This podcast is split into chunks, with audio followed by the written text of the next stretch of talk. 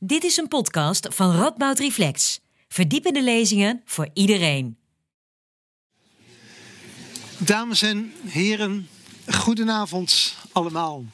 Van harte welkom namens Radboud Reflex en het Diversity, Equity en Inclusive Office van de Radboud Universiteit. Mijn naam is Marcel Becker, universitair hoofddocent wijsgerige ethiek en ik zal deze avond voorzitten. Een speciaal woord van welkom natuurlijk voor onze gast, David van Rijbroek, die begreep ik niet uit Vlaanderen, maar uit Duitsland is aangekomen vanavond. Fijn dat u hier wilt, uh, wilt zijn. En u ziet nog een lege stoel. Die is voor een, laten we zeggen, mystery guest. Daar zal ik zo meteen nog even iets over, uh, over vertellen. Mag ik u kort inleiden en dan een banale vraag stellen om mee te, mee te beginnen? Ja? U studeerde filosofie en archeologie. En u bent gepromoveerd in de archeologie. U schreef historische studies met een omvang en een bereik waar de gewone historicus niet aan kan tippen. U ontwierp ideeën over ons politiek stelsel, waar menig politicoloog jaloers op is, zoveel invloed dat toch heeft. En u hebt invloed over, met uw ideeën over duurzaamheid, waar, wat milieukundigen, die milieukundigen graag zouden willen hebben met hun ideeën. Ik vraag me af, soms als je op reis bent, dan moet je invullen ergens als je aankomt wat je beroep is. Wat zet u dan neer? Wat is uw occupation? Uh, goedenavond iedereen. Ik, meestal zet ik schrijver, omdat dat net de vlag is die eh, alle ladingen wel een beetje dekt. Maar ik ben inderdaad als schrijver met verschillende domeinen bezig. Ik heb altijd gedacht dat naarmate ik ouder word, het wel duidelijker ging worden, maar het wordt alleen maar breder en breder. Dus ja. het wordt een hele lange avond, dat kan ik ja. alvast vertellen. Ja. En we gaan natuurlijk vanavond op zoek naar de rode draad en onderli ja, onderliggende samenhangende thema's in uw, uh, in uw werk. Uh, maar als ik zo die interdisciplinariteit van uw werk ziet, en ik zie ook dat u in de academische gemeenschap ook serieus wordt genomen, gelezen, want u bent hier op een universiteit te gast. Dan vroeg ik me af, u vindt vast en zeker dat het academisch onderzoek veel te gesegmenteerd en veel te strak in disciplines gescheiden is en u wilt veel meer interdisciplinair onderzoek. U lijkt al een heel concreet idee van mijn antwoord te hebben. Ja, ja suggestieve vragen die kunnen soms ook hele goede... Ik vind het prima hoor. Nee, het wetenschappelijk onderzoek vandaag gedijt, ook voor een groot stuk dankzij specialisatie en hyperspecialisatie. Maar ik denk dat je beide nodig hebt. En helaas is er aan vele universiteiten, natuurlijk niet de Radboud Universiteit, maar is er niet zo heel veel plek voor generalisten.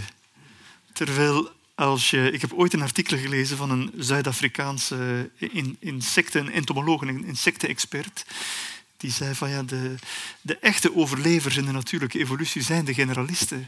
Als je een insectensoort bent die maar op één type uh, bloem van één type ondersoort van orchidee zijn eieren legt, dan mag er niet veel misgaan. Ja. Dus generalisten zijn ook nodig. En ik vind het soms wel jammer. Uh, ik, heb, ben, ik heb zelf lang aan de universiteit gewerkt. Ik heb uh, gestudeerd, gepromoveerd, postdoc geweest. En ik was eigenlijk echt... Dat was, ik dacht altijd, dit is mijn habitat. Alleen had ik de pech dat die habitat samenviel met de jaren negentig. Geen eh, interessante periode voor generalisten aan de universiteit, omdat dan natuurlijk het hele neoliberale wetenschapsmodel, publish or perish, je bent maar goed als je heel veel uh, kleine artikels voor vakbladen scoort. En ik heb toen nog, ik weet nog aan de universiteit, gedachten geopperd. Ik zou graag een groot boek schrijven, een synthetisch werk, in het Nederlands. Nou, dat was drie keer mis moest, moest klein zijn, uh, hyperspecialistisch en, en, in het, liefst in het Engels of het Swahili. En, uh, en toen heb ik eigenlijk de universiteit verlaten, want ik wou dat boek schrijven. En dat was voor mij wel een soort stap om die universitaire droom los te laten. Ik had, ik, ik, de idee van de universiteit bevalt mij zeer. Maar het woord universeel is niet meer zo vaak aanwezig aan de universiteit. Ja, nou wij gaan hier vanavond een echte universitas zijn. Zeer en dat zal ik uitleggen aan de hand van hoe de avond in zijn werk gaat. Want u wilde hier naartoe komen op één voorwaarde dat u met studenten in gesprek kon gaan. Nou, dat hebben we voor elkaar gekregen. Wij hebben uh, vijf studenten bereid gevonden om de heer Van Rijbroek een vraag te stellen. Die student die zal steeds plaatsnemen op deze stoel. Die zal de heer Van Rijbroek een vraag stellen. Dan krijgt hij een antwoord. Daar zijn onze kritische studenten er niet tevreden mee. Dus dan stellen ze nog een vraag of een, of een betere vraag. Dan ontstaat even een gedachtenwisseling. Dus tussen de student en de heer Van Rijbroek van een vijf minuten. En daarna krijgt u, zaal, de mogelijkheid om een vraag te stellen over het thema wat op dat moment besproken wordt. En als u nou over een heel ander thema een geweldige vraag hebt, dan moet u die niet stellen. Want het is zo dat alle thema's waar de heer Van Rijbroek vanavond mee, mee bezig is geweest de afgelopen jaren, dat die ook vanavond aan bod komen. Dus zou u goede vragen op op het moment dat het daar is. De grote uitdaging natuurlijk is dat we al die vijf thema's die de studenten aandragen, dat die ook aan bod zullen komen. De thema's zijn de volgende. Ik noem ze even. Burgerberaadslagingen, uw manier van geschiedenis bedrijven, kolonialisme en de huidige machtsstructuren binnen koloniën, de relatie tussen het koloniale verleden, onze omgang daarmee, en ons koloniseren van de toekomst, zoals u dat hebt genoemd, en de noodzaak van fundamentele systeemkritiek op ons economisch systeem. Ja. Nou, dat is denk ik de paraplu waar alles waar u de afgelopen jaren mee bezig bent geweest. Onder. Gaan we allemaal aan bod laten komen in anderhalf uur. Vrij enorme discipline van de studenten om niet te lange vragen te stellen. Van u als zaal om inderdaad begrip voor te hebben dat we, hoe interessant het ook is, naar het volgende blokje gaan. Want het laatste thema is heel interessant en daar willen we zeker aan toekomen. En het vraagt zelfs van u discipline om niet vijf hoogcolleges te gaan geven, want er zit hier morgenochtend, uh, hier morgenochtend nog. Ja? Goed. Nou, mag ik dan uh, als eerste vraag, voor de eerste vraagronde uitnodigen Noah Kleine, student politicologie. Noah, kom naar voren. Hallo.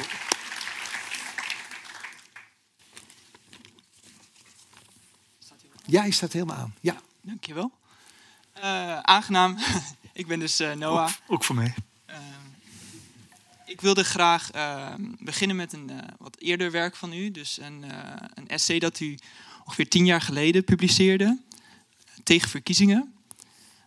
daarin pleit u voor zogenaamde burgerberaden. geloten groepen mensen uit heel de bevolking die door middel van een respectvol overleg samenkomen en tot besluiten komen. Ja. Um, en u pleit daarvoor, maar daar liggen ook uh, een aantal uh, veronderstellingen achter. Namelijk ten eerste dat mensen um, enigszins redelijk zijn. En ten tweede dat um, er één harmonieuze oplossing is of één harmonieuze waarheid. Um, waartoe mensen kunnen komen samen als ze maar lang genoeg naar elkaar luisteren. Nu is mijn vraag: gelooft u werkelijk dat dit kan werken? Of um, eindigt dit met conflict en uh, machtspelletjes? Dat is, ah, dat is een geweldige vraag. Ik neem notitie niet tot om, omdat ik u aan het tentamineren ben. Uh, zo, zo lijkt het misschien een beetje, maar dan kan ik mij beter concentreren. Uh, eindigt dat met conflict? Nee, het begint met conflict. Democratie is niets anders dan leren leven met conflict de gedachte dat democratie erop uit zou moeten zijn om conflicten op te lossen en tot consensus te komen, dat is een hele mooie gedachte, maar dat is ook een naïeve gedachte. Die klopt niet. En die burgerberaden, die bepleit ik niet en die organiseer ik. Ik, doe er meer dan alleen maar voor pleiten. Ik probeer ze ook in de praktijk te brengen door ze te organiseren en door overheden uh, mee te helpen met die op te zetten. En die zelfs permanent te maken, daar kan ik misschien straks iets over zeggen als we over een half uur nog steeds over dit onderwerp bezig zijn. Nee, dan zijn we het volgende blokje. uh, maar die zijn er niet op gericht om tot, uh, altijd tot consensus te komen en conflicten vermijden en, uh, en alleen om maar tot redelijkheid te komen. Het is mensenwerk. Wat je ziet is dat als democratie erin bestaat, mensen leren leven met conflict. De belangrijkste democratische uh, filosofen zijn wellicht de Rolling Stones. Toen ze zeiden, you can't always get what you want. Dat is ongeveer de basisgedachte van wat het betekent om in een democratie te leven. En dus uh, in een klassieke democratie zoals we die vandaag kennen, zijn er heel veel mensen die ervan uitgaan van you, you can always get what you want. Uh, alleen hebben de andere idioten nog niet door op welke partij ze moeten stemmen. Dat is een beetje hoe we vandaag democratie beleven. Ik denk dat het huidige stelsel van democratie dat we hebben, met verkiezingen, met politieke partijen, met regeringen die gevormd worden, net die werken onredelijkheid in de hand en kloppen het conflict vaak op. En de reden is, er staat een bonus op het conflict. Je kan als partij scoren als je net niet uh, op uit bent om uh, een, een, oplossing te vinden. Je kan uh, je, je, profileren in de publieke media. Wat we de afgelopen jaren hebben gezien, en zeker met de opkomst van de sociale media, dat is een, een toenemende polarisering op allerlei vlakken. Het, het midden loopt leeg. En omdat er zoveel te verdienen valt als je wat feller en radicaler gaat spreken op de flanken. En dat is wel een beetje zorgelijk. Want democratie, zeker de Belgische, de Nederlandse, die bestaat uit coalitieregeringen. Ja, vroeg of laat ga je toch door één deur moeten gaan. En er is een ongelooflijk onderzoek geweest van een Belgische hoogleraar, Stefan Walgraven, uit Antwerpen. En die toonde inderdaad aan, had een, een, een diagram gemaakt met waar de politieke partijen stonden, op vlak van links-rechts in de economische zin en links-rechts in de culturele zin. En aan de ene kant had je de groene partijen, aan de andere kant had je radicaal-rechtse partijen. En toen vroeg professor Walgraven aan 2000 Belgen op wie zou u nu stemmen? En dan zag je dat de extremen aan het winnen waren. En de partijen in het midden, christen-democraten en liberalen, die verloren stemmen ten voordele van de extremen. Dat is wat we weten, dat is ook wat we in de verkiezingen zien. En vervolgens vroeg professor Walgraven, een, legde een aantal stellingen voor aan diezelfde 2000 mensen. En mensen mochten die stellingen beoordelen, helemaal mee eens, helemaal oneens. Het bleek dat inhoudelijk die mensen veel meer in het midden zaten dan hun kiesintentie aangaf. Dus wie nog gelooft dat verkiezingen een goede manier zijn om de volkswil te leren kennen, moet het onderzoek van professor Walgraven lezen, omdat je daar ziet dat er eigenlijk een grote discrepantie bestaat tussen wat mensen stemmen en wat mensen willen. Als dat zo is, dan moeten we ook nog iets anders doen dan alleen maar stemmen.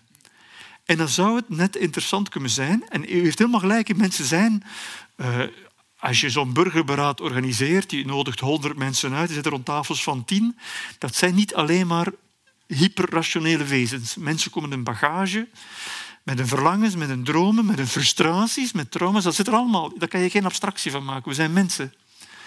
Maar wat je wel ziet, is dat je in de loop van het gesprek er beter in slaagt om die diverse ervaringen te respecteren en om de common ground te vinden. Niet om het conflict te vermijden, maar wel om te zien waar we het met elkaar eens zijn en hoe we kunnen leren leven met conflict. Je klikt zeer instemmend, Noah. Ben je het helemaal eens? Nou, ik ben het voor een deel uh, um, zeker eens. Um, ik had nog wel een vraag, want u sprak over toegenomen polarisatie. Ja. Um, het lijkt af en toe ook een hype om te spreken over polarisatie. In de zin van dat uh, het lijkt alsof het alleen maar over polarisatie gaat de laatste tijd. Um, u heeft ook wel eens gezegd, volgens mij, dat we één ding verleerd zijn als samenleving: het gefundeerd met elkaar eens zijn. Um, of het gefundeerd met elkaar oneens ja, oneens, dat bedoel ik. Dat, uh, dat bedoel ik, ja. Dus dat die fundatie eigenlijk een, een ja. beetje ontbreekt. Um, en u heeft ook wel gezegd dat dit deels een effect is van het internet uh, en ja. sociale media. Um, vergeet u daar niet uh, een bepaalde kracht van het internet? Um, een kracht om iedereen, eigenlijk ongeacht waar ze vandaan komen, in staat te stellen met heel eenvoudige internettoegang ja. gewoon te, uh, te reageren ja. op beleidsmakers, op, op die politici die alles maar besluiten. Het internet is net zoals uh, de drukkunst niet positief of negatief. Op dezelfde drukpersen waar de prachtige traktaten van Erasmus werden opgedrukt, werden ook de handleidingen voor heksenvervolging gedrukt. Dus die drukpers zelf kan beide kanten uit. En zo is het ook met het internet. Ik stort maandelijks aan Wikipedia. Dat is eigenlijk een van de plekken vindt waar de droom van het internet, zoals het in de jaren 90 ontwikkeld is, misschien het meest tot uh, ontplooiing is gekomen. Namelijk mensen met verschillende ervaringen kennis doen samenbrengen. En vroeger werd er wat gelachen met de Wikipedia. Het, oh, het zitten veel fouten in. Ja, maar iedereen gebruikt het inmiddels wel en het wordt ook steeds beter. Dus ik, ik blijf het internet eigenlijk wat dat betreft zeer positief vinden. Tegelijkertijd, het, met de komst van de sociale media is er echt iets veranderd. Je ziet het ook. De Wikipedia probeert kennis samen te brengen en is in permanente geldnood. Uh, Facebook slaagt erin iedereen met elkaar te spelen en heeft miljarden. Uh, dus wat dat betreft is het businessmodel van een verdelend internet helaas een beter dan dat van een, een, een helend internet. En ja, ik ben, het, ik ben het wel met je eens, daar zit een potentiële grote kracht in. Maar de volgende fase van het internet hebben we nog niet echt aangesproken. Sociale media, ik weet niet, goed waarom we ze sociale media noemen. Het zijn commerciële media die vaak heel asociaal zijn. Uh, sommige mensen plegen er zelfmoord door, dat moeten we ook zeggen. Die worden online gepest of wat dan ook. Uh, maar ik kan me inbeelden dat we de komende 10, 20 jaar nieuwe modellen gaan zien van internet, waarbij bijvoorbeeld collectieve besluitvorming makkelijker zou kunnen gaan. Waarbij je een soort Wikipedia hebt, niet alleen om te weten wanneer de De plotseling uit productie is gegaan, eh, of hoeveel uh, de, de volleybalclub van Turnhout heeft gewonnen van Kortrijk in 1986, want dat staat er dus allemaal op, maar waarbij je ook zou kunnen uh, mensen samenbrengen over bepaalde eh, thema. Moet, moet vaccinatie verplicht worden gemaakt of niet? Op de klassieke sociale media krijg je gewoon de loopgravenoorlog. Hè. Eh, schreeuwen op grootmoederswijze, zeg maar. Het zou interessant zijn om uh, naar een volgende fase van het internet te evalueren. Dus ik ben het absoluut met u eens. De burgerberaden waarvoor ik pleit, zijn heel vaak offline. Mensen die fysiek samenkomen. Maar door corona hebben we gezien dat het internet is ook echt veranderd door corona de opkomst van Zoom. Ik zat vanmiddag nog in een, in een Zoom met uh, eh, 400 mensen wereldwijd over een nieuwe democratische organisatie waarvan ik in het bestuur zit. Ja, ongelooflijk. Een paar maanden geleden zat ik in een, in een Zoom met 3000 mensen over de hele wereld in zes talen. Je hoefde maar op een knopje te drukken en het werd getolkt in het Spaans, in het Chinees, wat dan ook. Dat hadden we vroeger echt allemaal niet. Dus die noodzaak om fysiek samen te komen blijft bestaan. Maar ik geloof ook echt in dat soort modellen die er al in slagen. Er is trouwens vorig jaar voor het eerst een burgerberaad geweest, wereldwijd voor de allereerste keer de Global Assembly. Online. Online. En die bestond, de NASA had de organisatie geholpen 100 punten op de kaart te plotten, op de wereldkaart, volgens bevolkingsdichtheid. En daar moesten deelnemers, telkens een deelnemer gevonden worden. En ik geloof dat 17 ervan waren ongeletterd. Want dat is ongeveer statistisch wat de de, de mate van ongeletterdheid is. En die mensen hebben meerdere dagen met elkaar samengezeten. Echt een, een Indiaanse boer die vier uur eh, na zijn lange werktaak ergens naar een voetbalkantine moet gaan met daar een computer.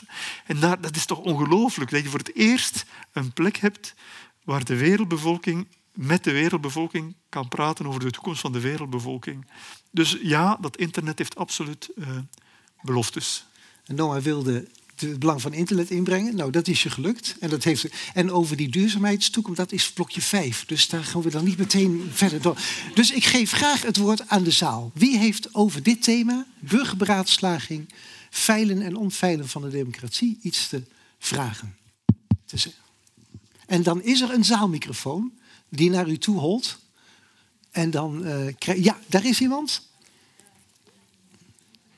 Ja? Hey, goedenavond iedereen. Uh, ja, ik ben ook een student uh, aan de Radboud. Uh, mijn vraag was over het systeem waarbij die burgerraden zouden worden samengesteld. Volgens mij was het voorstel dan via een soort van loterij en lotingsmechanisme. Um, als, nou ja, mijn vraag is dan eerder, als er bijvoorbeeld minderheden zijn in de samenleving, zouden die ook minder geloot worden? wat is uw gedachtegang daarover? en mijn tweede vraag, kort ook, is hoe staat u over, of hoe denkt u over kwadratisch stemmen? Kwadratisch stemmen. Over dat tweede weet ik helemaal niets. Misschien moet u even uitleggen wat kwadratisch nou, is. Zullen we eerst even naar de eerste vraag gaan? Minderheden. Misschien kan ik het best verwijzen wat de eerste deel van uw vraag betreft. Ik was een van de ontwerpers van het eerste permanente burgerberaad ter wereld. Dat is in Duitsstalig België. Kleinste federale eenheid ter wereld, 80.000 mensen, piepklein, eh, maar wel met dezelfde bevoegdheden als Noord-Rijn-Westfalen of Schotland. En dus de minister-president heeft mij toegevraagd om met een groep experten een blueprint uit te tekenen voor hoe zo'n permanent burgerberaad zou kunnen eruit zien. Naast het gekozen parlement heb je daar nu de, de burgerraad en die, is dus gelood met gewone burgers. Daar wordt rekening gehouden met vier verschillende criteria. In die burgerraad zitten 25 mensen En om die 25 te krijgen sturen ze duizend brieven uit naar een toevalsteekproef van adressen in Duitsstalig België. Eh, van die duizend brieven komen er ongeveer 150 positieve antwoorden terug. Dat is mooi, maar daar heb je een oververtegenwoordiging van mannen, boven de 50, vaak blank, en ze lezen allemaal Grensecho. Dat is zo NRC Handelsblad in Duitsstalig België. Dus die zijn zeer welkom, maar ze zijn met te veel. En vervolgens wordt er op die 150 een tweede loting toegepast, volgens vier criteria.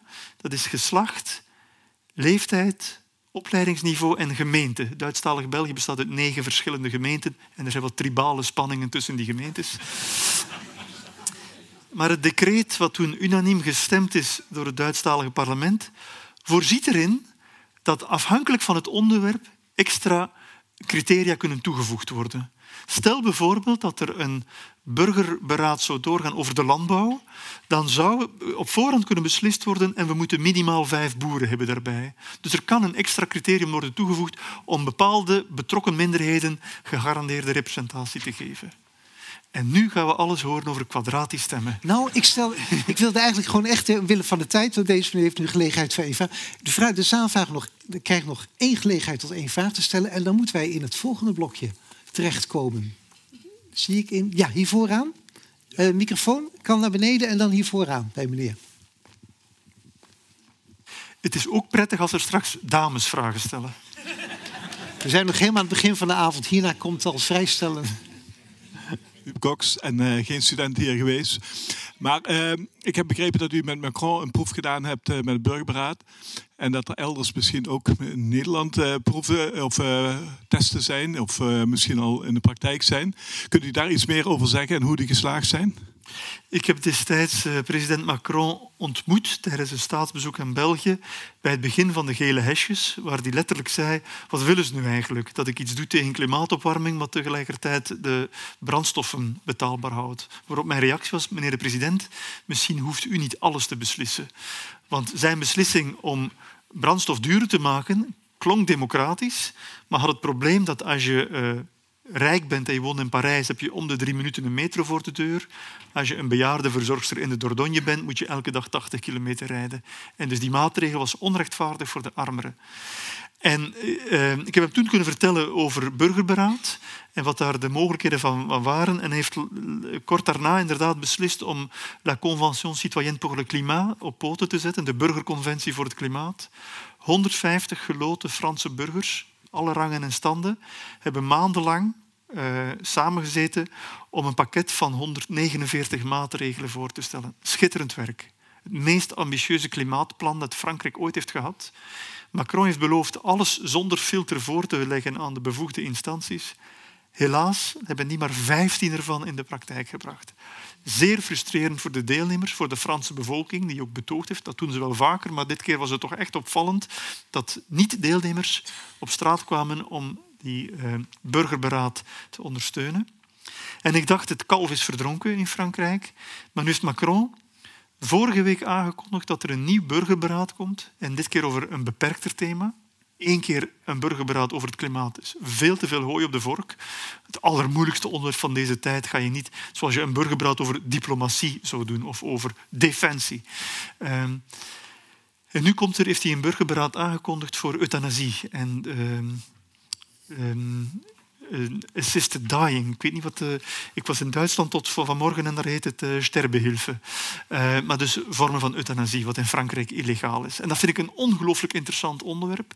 Ik ben zeer blij dat hij de moed heeft gehad dit opnieuw te doen. In Nederland gebeurt er al redelijk wat op lokaal niveau. Amsterdam heeft een mini-burgerberaad voor het klimaat georganiseerd. Andere steden en gemeenten zijn er ook mee aan de slag gegaan. Minister Jette eh, toont nu belangstelling om daarmee aan de slag te gaan op nationaal niveau.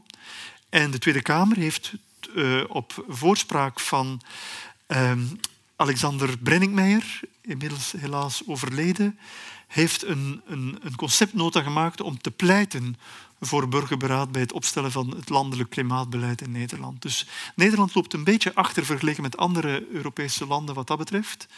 Maar de wet van de stimulerende achterstand bestaat misschien ook. Ja. En wij komen over de klimaatthematiek en het praten erover nog te spreken. Ja. Uh, mag ik jou uh, bedanken, Noah?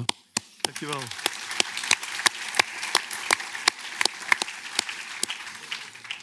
En nu gaan we het over iets heel anders hebben. Dat tekent de veelzijdigheid van de gast van vanavond. Bela Boksman, student geschiedenis. Vast over uw. Over uw vuistdikke historische studies. Bela. Uh, als geschiedenisstudent hier aan de Radboud leer ik dat het nastreven van uh, objectiviteit in onderzoek altijd heel erg belangrijk is. Nou heeft u uh, in uw boek Revolutie heel veel verschillende mensen met allerlei verschillende verhalen aan het woord gelaten. Ja. Denkt u dat dat een goede manier is om objectiviteit na te streven? Ik heb gekozen voor oral history, omdat ik daarmee aspecten kon belichten die vaak veel te weinig belicht worden in, in de klassieke geschiedschrijving. Het is heel vreemd, maar veel academische historici zijn wat bang van oral history. Oei, oei, verhalen van mensen en oude mensen. Uh, is dat wel betrouwbaar? Is dat niet veel te subjectief? Ik denk dat elke historische bron subjectief is. Een inboedelbeschrijving is een subjectieve bron die kan wel opsommen wat er in zo'n huis te vinden is, maar die heeft vaak een functie binnen een echtscheiding of een rechtszaak of wat dan ook. Zoiets als objectieve bronnen bestaan niet. Elke bron belicht een ander aspect. En ik heb het altijd interessant gevonden om met mensen te praten. Ik heb gelukkig gewerkt op periodes waarop ik nog levende getuigen kon vinden. In Indonesië heb ik me toch moeten haasten. De meeste van de 200 mensen die ik gesproken heb waren boven de 90. En ik dacht op een bepaald moment, ik ben me hier zozeer aan het haasten om die mensen te vinden, dat ik nooit zo oud zal worden als hen. en toch ben ik blij dat ik dat gedaan heb. En ja, soms zijn die herinneringen vertekend. Maar ook die vertekening is interessant. Hoe worden bepaalde ervaringen herinnerd? Ik heb mensen gesproken die niet meer wisten of ze al geluncht hadden die dag. Letterlijk, hè? Maar voor wie het trauma van uh, augustus 1947 onuitwisbaar was. Een soort roestvrij staal van de herinnering, zeg maar. En dus het is me heel vaak opgevallen dat trauma's zijn wellicht de meest betrouwbare herinneringen. Doordat ze zo weinig slijten en zo lang pijnlijk blijven en ook zo visueel zijn vaak. En vaak met de exacte, ik heb ook verschillende getuigen meermaals geïnterviewd en de trauma's komen er vaak in exact dezelfde bewoordingen naar buiten. Wil dat zeggen dat al die getuigenissen uh, nooit subjectieve aspecten? Ja, natuurlijk. Soms heb ik het kunnen vergelijken met bestaande historische bronnen. Ik wou zo de Indonesiër vinden die de allereerste Japanse boten had zien komen in, uh, in begin 42. En ik had gekeken, ja, het noordelijkste puntje van Sulawesi. Ik ga er naartoe gaan. Ik, ja, hoe vind ik iemand in, uh, in het noordelijkste puntje van Sulawesi die auto? Ik dacht, ik ga naar het veteranenhuis. En heel soms heb je geluk, er was net een reunie bezig. Ze zaten, twintig zaten er bij elkaar. Dat heb je dus nooit. En er was één die tot in detail vertelde hoe de boten waren gekomen, waar ze aan land waren gegaan, wat hij had gezien als tienjarig kind. Ik heb het allemaal opgeschreven. Ik heb het achteraf kunnen vergelijken met Japanse militaire rapporten en het klopte als een bus. Dus wat dat betreft is het toch vaak interessant. En dus ja, er zit een gevaar bij, zoals er in elke bron een gevaar, gevaar zit. Maar ik vind wat ik, wat ik win, is het mij waard. De, de prijs voor... En als ik het niet zeker weet of iets 100% zeker is, laat ik het ook tussen aanhalingstekens staan om te zeggen van zo heeft die persoon het mij verteld. Of hij beweert dit, zet ik er dan bij. Of dit is, zo herinnert hij zich om aan te geven van we zijn niet 100% zeker. Maar het is toch interessant om dat perspectief te horen. Ja. Dat ben ik het wel met u eens. Maar als je dan kijkt naar de... ja, eh, met historisch onderlinge mensen die de, of dezelfde ervaring hebben, is natuurlijk duidelijk om aan te geven van het is een herinnering. Ja. Maar hoe um, is het handig om dat op de lezers over te brengen. Hoe worden de lezers bijvoorbeeld geacht om met hun relaties tot het verleden om te gaan? Ja. Want natuurlijk iemand met een Europese achtergrond zal misschien anders naar die uh, herinneringen en die trauma's kijken dan iemand met een Indonesische achtergrond. Bedoelt u dan de, de trauma's van de lezer zelf of hoe de lezer kijkt naar de trauma's van die personages? Hoe de lezer kijkt naar de trauma's van de mensen die u eh, gesproken heeft. Ik, probeer, ik snap de vraag. Ik probeer zoveel mogelijk het perspectief van diegene die ik aan het woord laat te laten zien. Um, ik ben niet van de strekking die vindt dat alleen Peruviaanse transgenders uit de jaren 30 over Peruviaanse transgenders uit de jaren 30 mogen spreken. Ik vind dat geschiedschrijving, literatuur, mens zijn, eigenlijk er moet op gericht zijn om proberen een oefening van empathie aan de dag te leggen. Om proberen eh, te begrijpen hoe iemand anders iets ervaren heeft. Kan je dat 100% nastreven? Nee. Maar je kan wel ergens eh, een, een, vorm van, van mededogen en empathie hebben om te tonen van dit ligt voor die persoon verschrikkelijk moeilijk omwille van die en die voorgeschiedenissen. En ik vind dat van groot belang. En ik probeer met die boeken als Congo en Revolutie een brug te slaan tussen een Indonesisch perspectief en een Nederlands perspectief, maar ook tussen de veelheid van die Indonesische perspectieven. Er bestaat niet zoiets als één Indonesisch perspectief. Er waren destijds 70 miljoen Indonesiërs, die dachten niet allemaal hetzelfde. Nederland was ook ten diepste verdeeld. Ik probeer die verschillende stemmen te tonen. En verleden is zo'n soort ruwe diamant die je zo telkens een beetje anders kan belichten door een, door een klein, een paar graden te draaien. En die veelheid aan interviews laten toe om die verschillende facetten te tonen. Ja, dat is ook eigenlijk met in het eh, licht van die interviews nog um, terug willen grijpen. Want u heeft natuurlijk heel veel uh, Indonesiërs geïnterviewd. Ja. En daarmee ook, ook deels de verontwaardiging over de manier waarop Nederland gereageerd heeft op bepaalde gebeurtenissen in de kolonie, voormalige kolonie. Ja. Um, op welke manier probeerde u daarmee een uh, gat te vullen in de bestaande geschiedschrijving? Omdat natuurlijk heel lang niet is geschreven over het Indonesische perspectief. Op een bepaald moment zat ik in, uh, in Jakarta en ik had een ongelooflijk indrukwekkende getuigenis opgeschreven. En ik was dankbaar voor de, het verhaal wat die persoon mij gedeeld had, maar ik was ook kwaad. En ik dacht van, ik zit me hier te haasten. Echt dit, hè? Met een schriftje en een balpen. Ik reis rond op een toeristenvisum. Ik doe eigenlijk niet... Het is geen, het is geen kernfysica wat ik doe. En ik dacht dan van, hoe, hoe is het mogelijk dat zoveel van dat werk nog steeds niet verricht is geweest? Waarom? Er is uitstekend Nederlands historisch onderzoek verricht. Veel van dat onderzoek is niet doorgedrongen naar het breder publiek, maar er is echt uitstekend onderzoek verricht. Maar toch, die, die, het, het, verzamelen van die getuigenissen. Ik dacht van, ik kom hier, ik ben laat, ik sta er alleen voor. Ik, ik ben hier aan het rondkrossen met mijn balpen en mijn, schriftje. En het is toch allemaal zo moeilijk niet. En gelukkig, inmiddels is er het proefschrift van Annelot Hoek over de, de decolonisatie en de, de vrijheidsstrijd op Bali. Ook gebaseerd op interviews. Maar we zijn echt maar met een handjevol mensen geweest die dit gedaan hebben. En soms dacht ik van, ja, je hebt dan de grote wetenschappelijke instellingen. Ik voelde mij soms als een speedboot tussen de olietankers.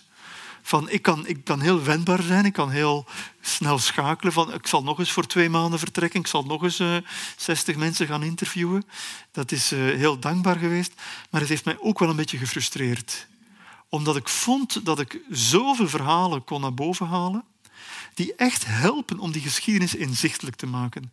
Die verhalen van die mensen die helpen in eerste instantie mijn begrip. Ik begin daar ook maar aan als een Belg die redelijk veel over Congo weet, hè, maar nog niets over Indonesië. Dus die, door met die mensen te praten begrijp ik een en ander beter, zoals dat eigenlijk altijd het geval is. Maar het helpt mij ook om de complexiteit van dat verhaal over te brengen. En het helpt om de medemenselijkheid te vergroten. Oh, maar nu snap ik waarom de Japanners zich zo misdragen hebben.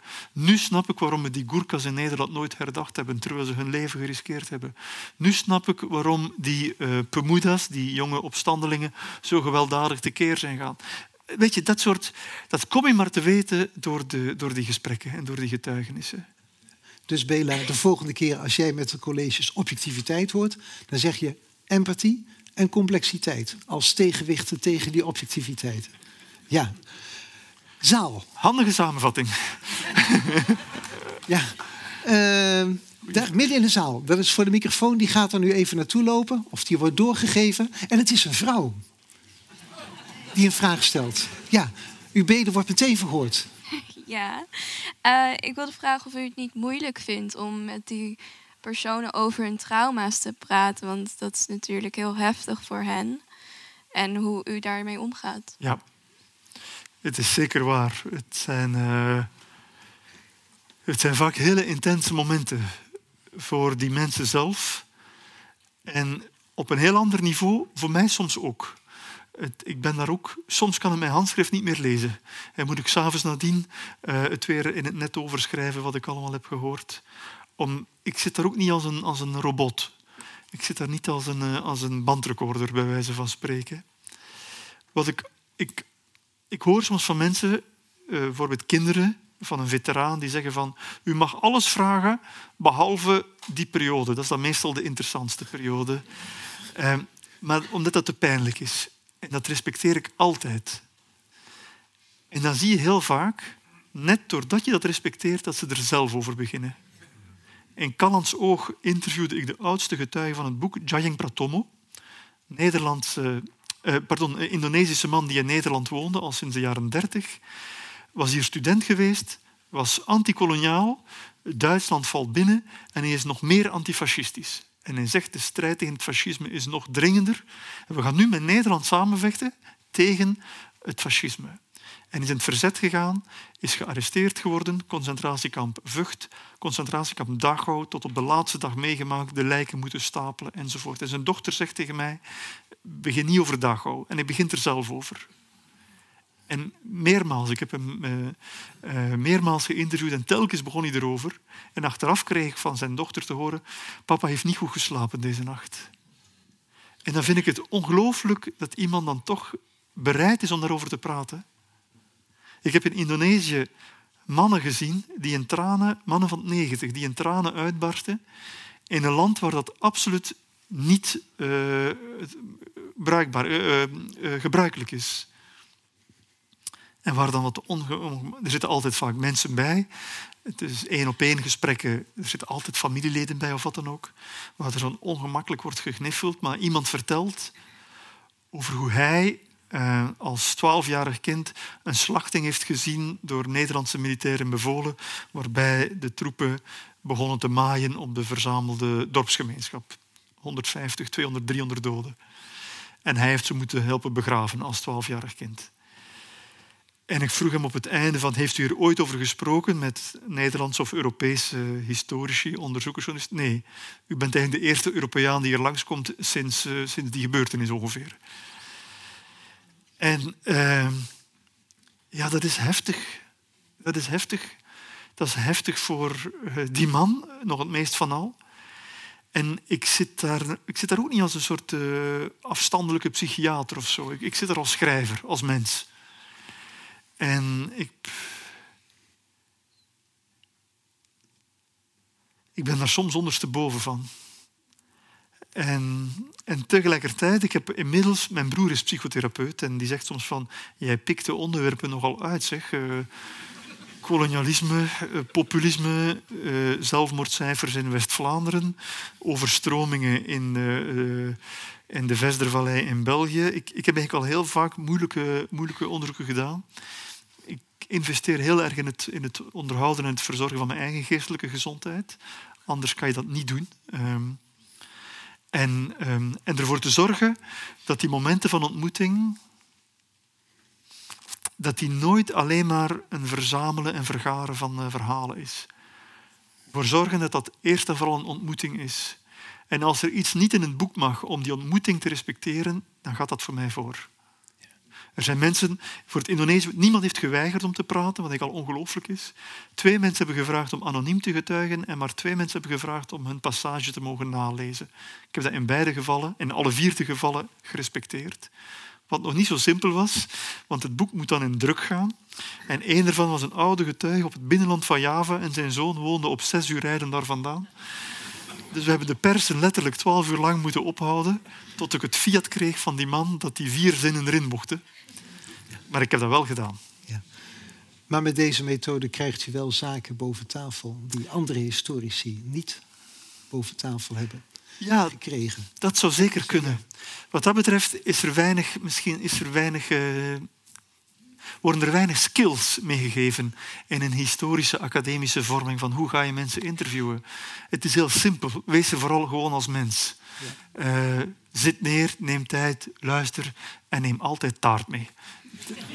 Hier zit een geschiedenisstudent die dat zeer te harte zal nemen. Bedankt je wel, Bela.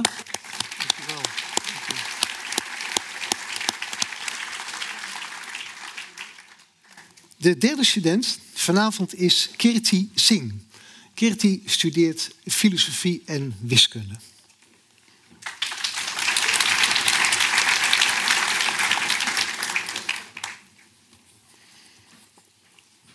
Hallo.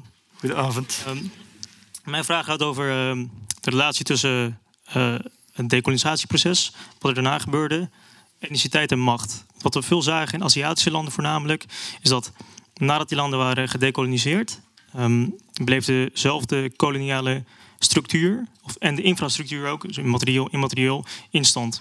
Ja. Maar er kwamen, er kwamen nou ja, verwesterde um, Indiërs in India dan en Indonesië, Indonesiërs op die posities. Ja. En wat ik me afvraag is, als die structuur in stand blijft, maakt het dan uit wat voor etniciteit de macht bekleedt? Wat voor etniciteit? Ja. Uh, interessante vraag, dank u wel. Het zijn trouwens allemaal bijzonder interessante vragen. We gaan dat nog doen, gewoon met studenten. Dat is eigenlijk veel leuker. Het was u voorstellen met studenten. Ja, ja dus hebt u zelf te weten dat het interessant is. Het is, uh, het is waar, hè? Die generatie die in de koloniën in Afrika en Azië voor de onafhankelijkheid hebben geijverd, wilde vooral uh, de toenmalige machthebbers weg hebben. Maar veel van het koloniale apparaat is overgebleven. En misschien het belangrijkste, we vergeten dat vaak, zijn al de grenzen.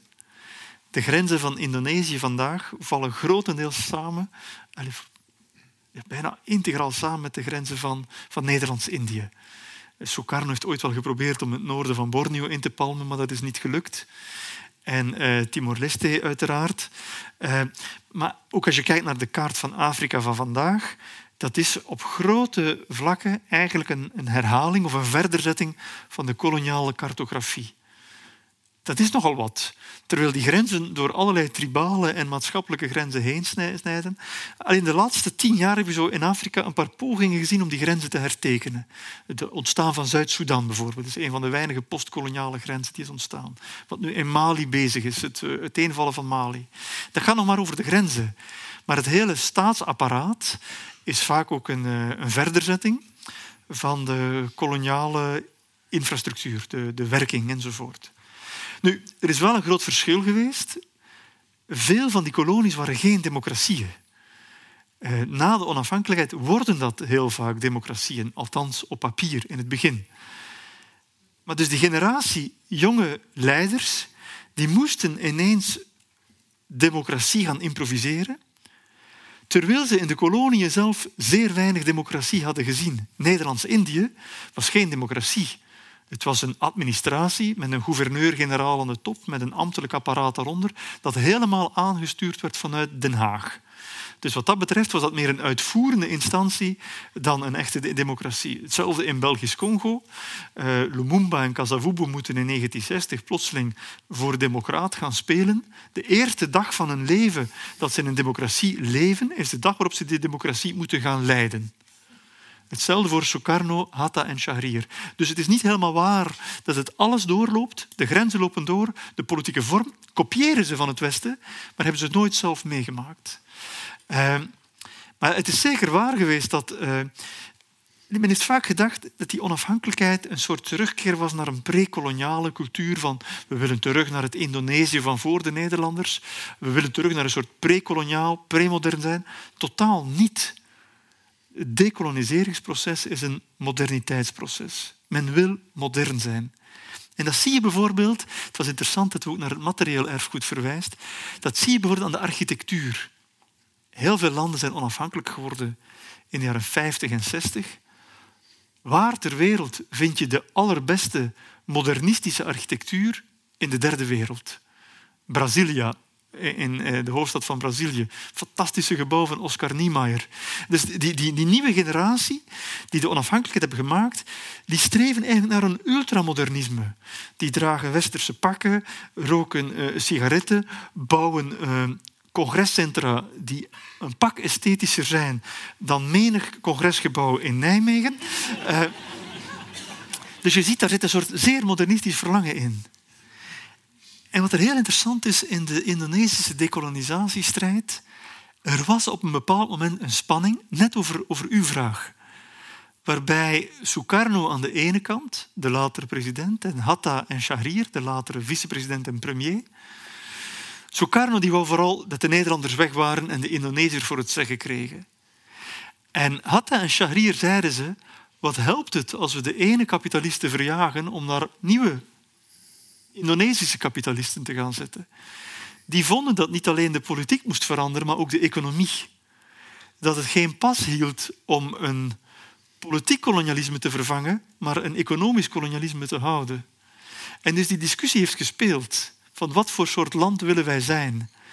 Maar op een bepaald moment, die driehoeksverhouding tussen die drie figuren is veranderd. Hatta heeft meer de kant van Sukarno gekozen, al tijdens de Japanse tijd. Zij zijn president en vicepresident geworden.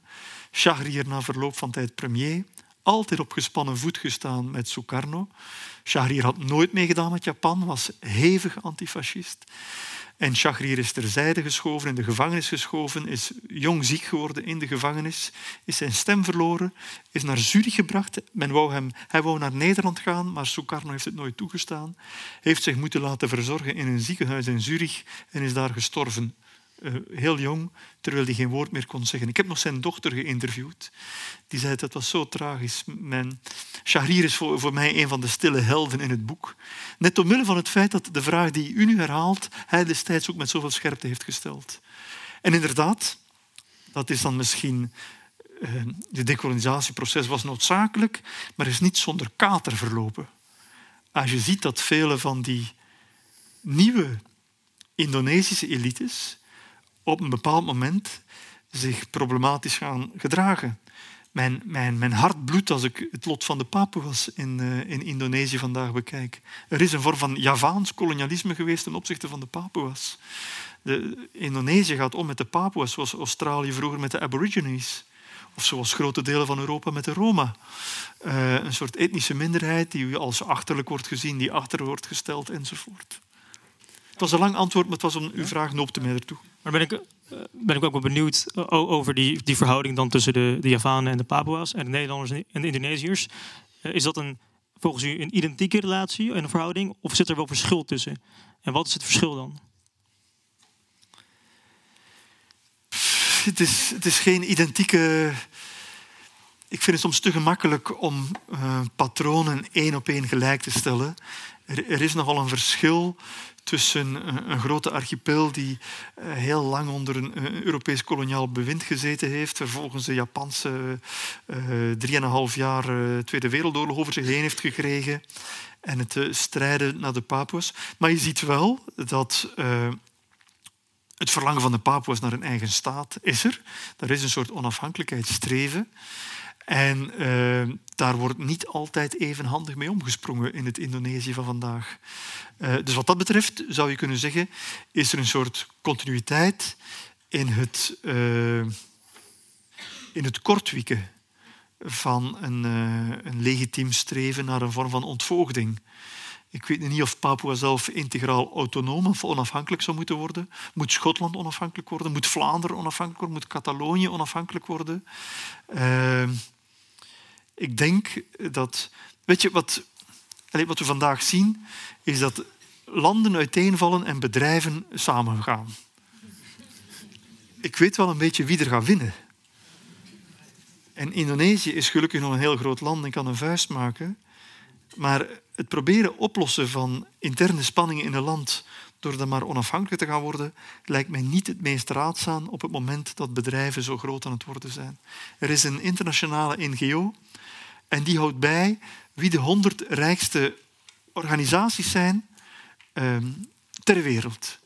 En vroeger waren dat alleen landen. En ik ken het cijfer vandaag niet. Ik geloof dat er nog maar 30 landen op staan. En dat de rest bedrijven zijn geworden. Dus we evolueren, we evolueren naar een wereldorde waarbij de machtigste spelers eigenlijk privébedrijven zijn. Ik weet niet of separatistische neigingen dat gaan oplossen. Maar de Papua's verdienen veel meer rechten. Had je hier nog een vervolgvraag op, Kirti? Uh, nee, maar ik had een andere vraag als er nog tijd voor is. Nou, zullen we even naar de zaal gaan en kijken als die nou, dat we dan... Eh, jouw vraag nog, nog even over de reserve. ja? Goed. ja, zaal. Over decolonisatieprocessen en het streven om daar ook westers in Ja, hier vooraan. Van onze microfoondragers wordt veel gevraagd vanavond. Goedenavond. Um, u heeft natuurlijk twee boeken geschreven uh, over zowel de dekolonisatie van Congo als van Indonesië. Uh, dus mijn vraag is eigenlijk: uh, welke belangrijke gelijkenissen en verschillen ziet u tussen die twee decolonisatieprocessen? en misschien op daar meteen op intaken, wel, welke belangrijke rol, of ik denk belangrijke rol, speelden de vroege leiders daarbij. Dus Sukarno en uh, Kasavubu en natuurlijk Mobutu. Heeft u een week? nou ja, dat, ik, meer, meer de, misschien de lange lijnen. Wel, je zou kunnen zeggen, bij aanvang heeft Leopold II, toen hij met de kolonisatie van Congo begonnen, heeft heel aandachtig gekeken naar Willem I en Willem II. Hij heeft zich daar erg door laten uh, inspireren. Met name het gebruik van lokale elites, elites, indirect rule, heeft hij heel erg afgekeken van wat er op Java is gebeurd. Uh, maar vervolgens zijn de processen nogal gaan verschillen, omdat de economische werking heel anders was. Beide draaiden om uh, economische exploitatie, maar in Nederlands-Indië was die voornamelijk agricultureel, agrarisch, en in uh, België, Belgisch-Congo vooral geologisch. Dat betekent dat in, dus in Nederlands-Indië ging het om koffie, thee, suiker, indigo en later natuurlijk ook wel tin en, en olie. maar tabak, rubber, het was vooral agrarisch en dat betekent het ging over grote gebieden. De koloniale aanwezigheid strekte zich uit over een relatief groot gebied.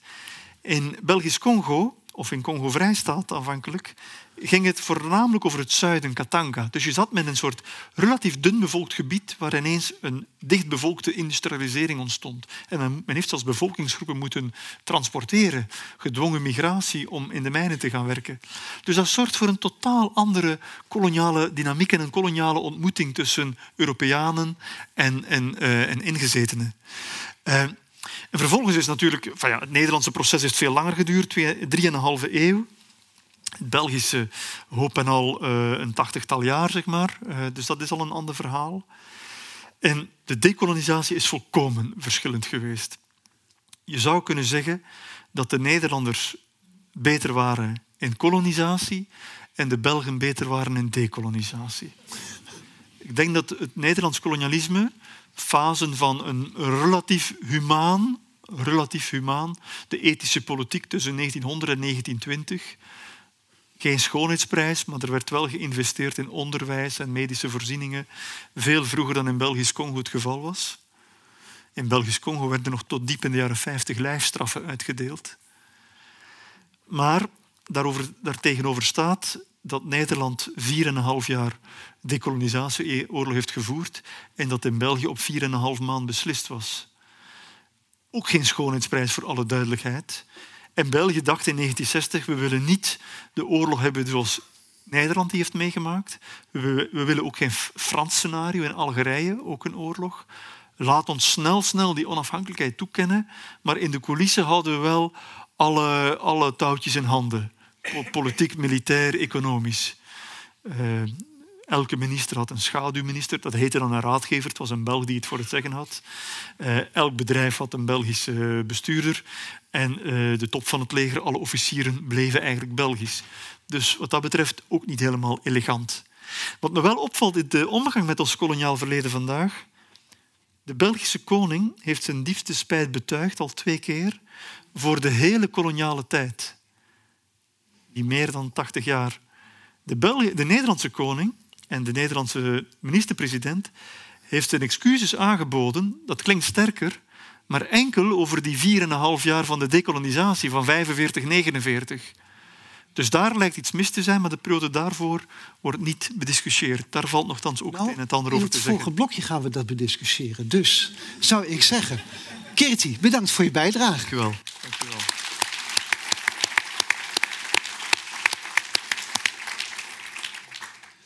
Mag ik uitnodigen Amber Stoelman? Hallo. Jij volgt na een studie politicologie momenteel twee masteropleidingen: Crisis and Security Management in Leiden en ook nog Gender Equality and Diversity and Inclusion in Politics in Nijmegen. En hebt ook nog tijd om een vraag aan de heer Van Rijbroek voor te bereiden over het verleden. Yes. Hallo. Ehm, ik heb het helemaal opgeschreven. Ja.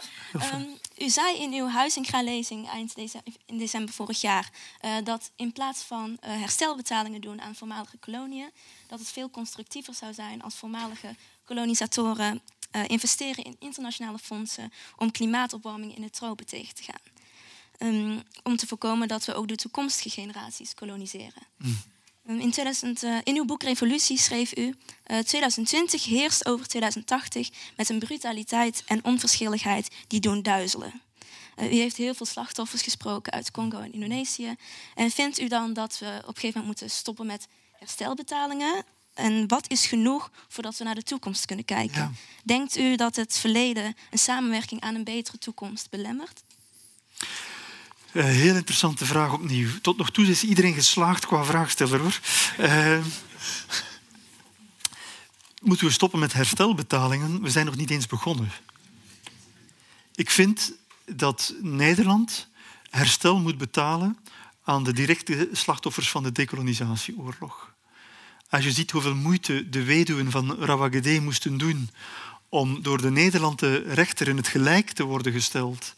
En die hebben toen allemaal 20.000 euro gekregen. Andere nabestaanden hebben ridicule sommen gekregen van andere slachting van 400 euro. En ook zij moesten langs de rechter passeren. Daarvan zou ik zeggen, eh, Nederland wees wat genereuzer. Vermijd dat stokoude mensen de lange omweg van de rechter moeten maken, van de rechtspraak in Nederland. En voorzie een bepaalde som voor mensen die een partner, een vader, een moeder of een broer hebben verloren, denk ik. Die herstelbetalingen zijn er wel. Ze lijken mij van belang. Ehm, herstelbetalingen voor de, op, op macroschaal. Eh, het zou heel mooi zijn, maar het lijkt me ongelooflijk moeilijk. Ehm, ik hoor die gedachten vaak opgaan tot je erop doorvraagt van tot hoe ver moet je teruggaan? Ehm, aan wie moet het betaald worden?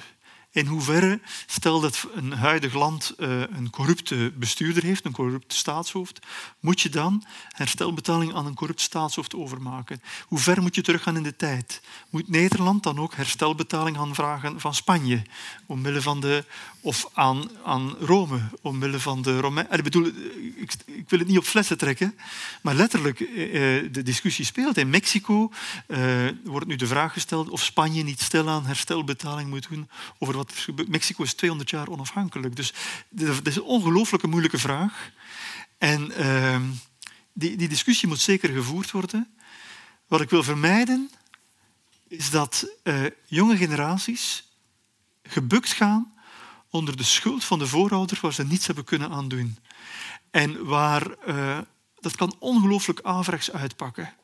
Laat ons niet onderschatten dat ook tegenkrachten in het leven zouden kunnen worden geroepen die het hele debat nog erger zouden kunnen maken. Zie wat er is gebeurd in Chili afgelopen week. In Chili heeft een burgerpanel niet gelood. Heeft een heel progressief eh, burgerpanel, een gekozen burgerpanel, eh, ervoor gezorgd dat er een nieuwe grondwet werd opgesteld. Een prachtige grondwet, maar het initiatief was... eh, werd gepercipieerd als een zeer linkse grondwet en is met 60% van de stemmen van tafel geveegd. Zo'n dynamiek moet je echt zien te vermijden als je over herstelbetalingen eh, gaat praten. Zeker op het moment dat ook vandaag... Het is, je kan het misschien niet vergelijken, maar als mensen vandaag zo gebukt gaan onder een stijgende energierekening, gaan ze heel veel moeite hebben om te begrijpen waarom plotseling herstelbetalingen voor fouten van drie generaties geleden moeten betaald worden. En vandaar dat ik zei van, maar er is een andere vorm, en ik ben het wel met u eens, een vorm van herstel is noodzakelijk. Pakistan staat vandaag, terwijl wij hier zitten, voor een derde onder water.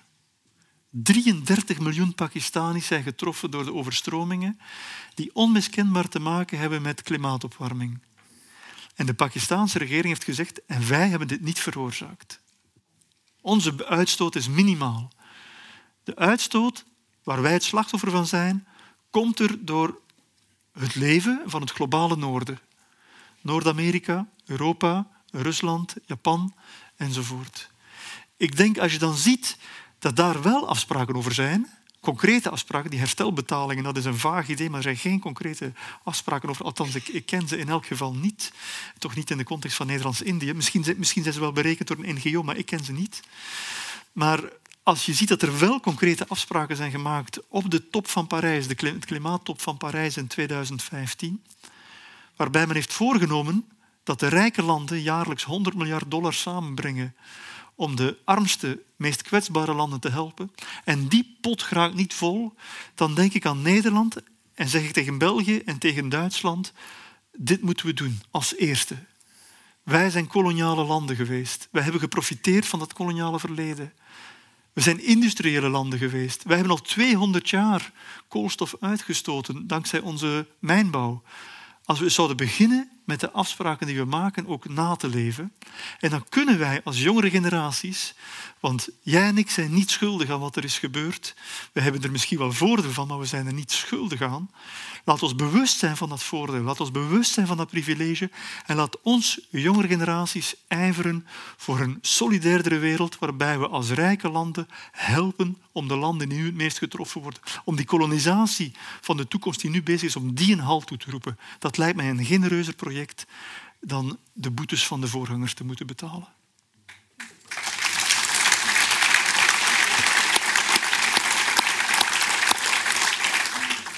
Je krijgt applaus van de zaal, maar ben jij het ook helemaal met hem eens? Ik ben het daarmee eens, maar uh, het kan ook op andere manieren. Dus herstelbetalingen, inderdaad, om tot, met, tot te komen met het verleden. Maar je hebt daarnaast ook nog. Um, premier Rutte heeft in februari zijn excuses aangeboden aan Indonesië. Uh, voor de decolonisatieperiode, tenminste. Um, maar tegelijkertijd zie je ook dat er nog steeds heel veel erkenning is waaruit blijkt dat excuses misschien niet eens zo heel gemeend overkomt. Bijvoorbeeld uh, ehm, 5 mei vieren we als het einde van de Tweede Wereldoorlog. Terwijl tot 15 augustus nog steeds mensen in Japanse interneringskampen zaten. En buitenkampers het super zwaar hadden in Indonesië. Zeker. Um, je hebt nog steeds als onderzoek 2020 uh, 2948 uh, schoolboekenpagina's werden geanalyseerd, waaruit bleek dat slechts 4,6% ging over Indonesië, ja.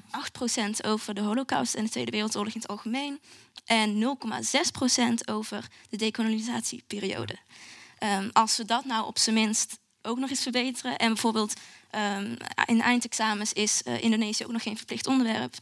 Uh, dat is dan zo makkelijk om onder, over het onderwerp heen te stappen. Absoluut, ja. Uh, als we dat nou eerst eens veranderen en ook laten zien. Uh, het is nu bijna collectief gebrek aan respect op die manier, door dat niet aan te kaarten.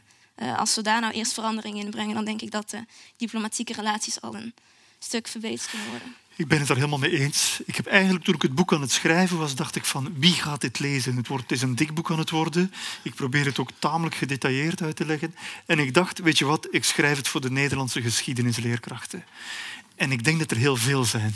Uh, Althans, ik ben heel blij dat die het eh, aan het lezen zijn. Ik heb ook verschillende lezingen gehouden voor mensen in de lerarenopleiding. En eh, ik steun dat ten volle. De kennis over het koloniaal verleden is in Nederland, vergeleken met andere landen, andere Europese landen, echt bedroevend laag. Er is een vorm van historische laaggeletterdheid in, in Nederland. Het spijt me dat ik harde woorden moet gebruiken voor een land waar ik zeer veel van hou, maar het is echt waar. En, uh, en tot voor kort was die blinde vlek toch zeer aanwezig. 2014 opende het Rijksmuseum met een prachtige nieuwe opstelling, ongelooflijke nieuwe architectuur. En dan zie je daar meer dan 50 nieuwe zalen. En er is één zaaltje, uh, ongeveer een derde van deze ruimte, is gewijd aan wat dan eufemistisch heet Nederland overzees. Ja, sorry, ik vind dat wel weinig voor een land wat drie eeuwen lang actief is geweest op de drie continenten van het zuiden. Maar dat gesprek is nu al bezig en ik denk het is goed dat dat wordt aangekaart. Maar ik hoor ook dat het Rijksmuseum nu daar veranderingen wil brengen. Ik hoor dat nieuwe schoolboeken daar veranderingen willen inbrengen. En ik ben het helemaal met, met, met, u eens. Dat is een noodzakelijke stap. Uh, maar ik was wel blij, en ik weet niet wat u ervan vindt. Nu zal ik eens een vraag stellen. Maar een paar maanden geleden, begin dit jaar, was er dat rapport van het, het NIOT, het KITLV en het NIMH over de decolonisatieoorlog. En ik dacht van, uh, daar stond niets in wat ik nog niet wist. Maar ik vond het toch wel straf hoe centraal dat, uh, dat, dat persbericht en die conclusies, die waren toch echt een niet mis te verstaande bewoordingen van mensen, we hebben ons echt misdragen. En in die zin vond ik van, ja, nu kan niemand het nog ontkennen in Nederland. Mm. Hoe heb jij daar naar gekeken? Ja, het, uh, het is sowieso, ik vind het wel een geforceerd onderzoek. Eh, als in, ik, de overheid wilde dat helemaal niet. Uh, maar in 2012 was er een onderzoeksvoorstel. 2016 was er een voorstel, allebei afgewezen. Toen opeens kwam Remy Limpach met een boek. 2016, ja. 16. En twee maanden later werd een derde onderzoeksvoorstel, wat bijna identiek was aan de eerste en tweede, werd goedgekeurd. Ja. En ik denk dat het onderzoek niet eens nodig was voor een excuses. Mm. Heel eerlijk gezegd, ik denk dat, er al lang, dat het al lang zeker was. Wat de conclusie zou ja, worden. precies. Ja. Precies, maar het is alleen maar... Ja. Maar het- dat is waar. Maar het gaat traag, denk ik. Het, eh, men heeft 100 jaar moeten strijden voor vrouwenstemrecht. De boodschap was na 100 jaar nog altijd die van in het begin. Maar je moet je herhalen. En ik merk dat ook met mijn democratische werk, waarmee ik toch even terugkeer naar het eerste onderwerp van de avond. Ik heb het gevoel dat ik al tien jaar lang hetzelfde zeg. Maar ik heb ook geleerd, je moet sommige boodschappen blijven herhalen. En inderdaad, 4 miljoen euro is naar dat onderzoek gegaan. Dat is niet weinig. Ehm, maar ik ben toch blij met het rapport dat er ligt. Het is onomstotelijk nu. Maar het zat inderdaad weinig nieuws voor mensen die het onderwerp kenden. En eh, bijvoorbeeld nu ook met Suriname. Rutte is nu op werkbezoek in Suriname. En hij heeft dus gezegd van... volgend jaar, 2023, dan komt de erkenning van de Nederlandse overheid... Mm. voor wat eh, Nederland in slavernij heeft gedaan. Ja. Terwijl dat ligt er ook al lang natuurlijk, Ja. wat daar eh, is gebeurd. Ja. Maar daar willen we dan toch nog even op wachten. Als jullie het met elkaar eens zijn, dan lijkt het me goed om eh, naar de zaal te gaan. Of, want het ging ook over de verhouding tussen van het verleden en het kolonialisme in de toekomst. Helemaal achteraan. Een vraag. Ja? Ehm, ja, ehm, eh, eh, aansluitend op dit thema ehm, zat ik ook te denken... waarom zou het nou zijn dat de Nederlandse regering... inderdaad nooit zijn excuses aan zal bieden voor de periode tot 1945... Ehm, en, en heeft dat niet ook te maken met het feit dat de grootste minderheid in Nederland eh, de Indische Nederlanders zijn? Dus ook de meest stille minderheid.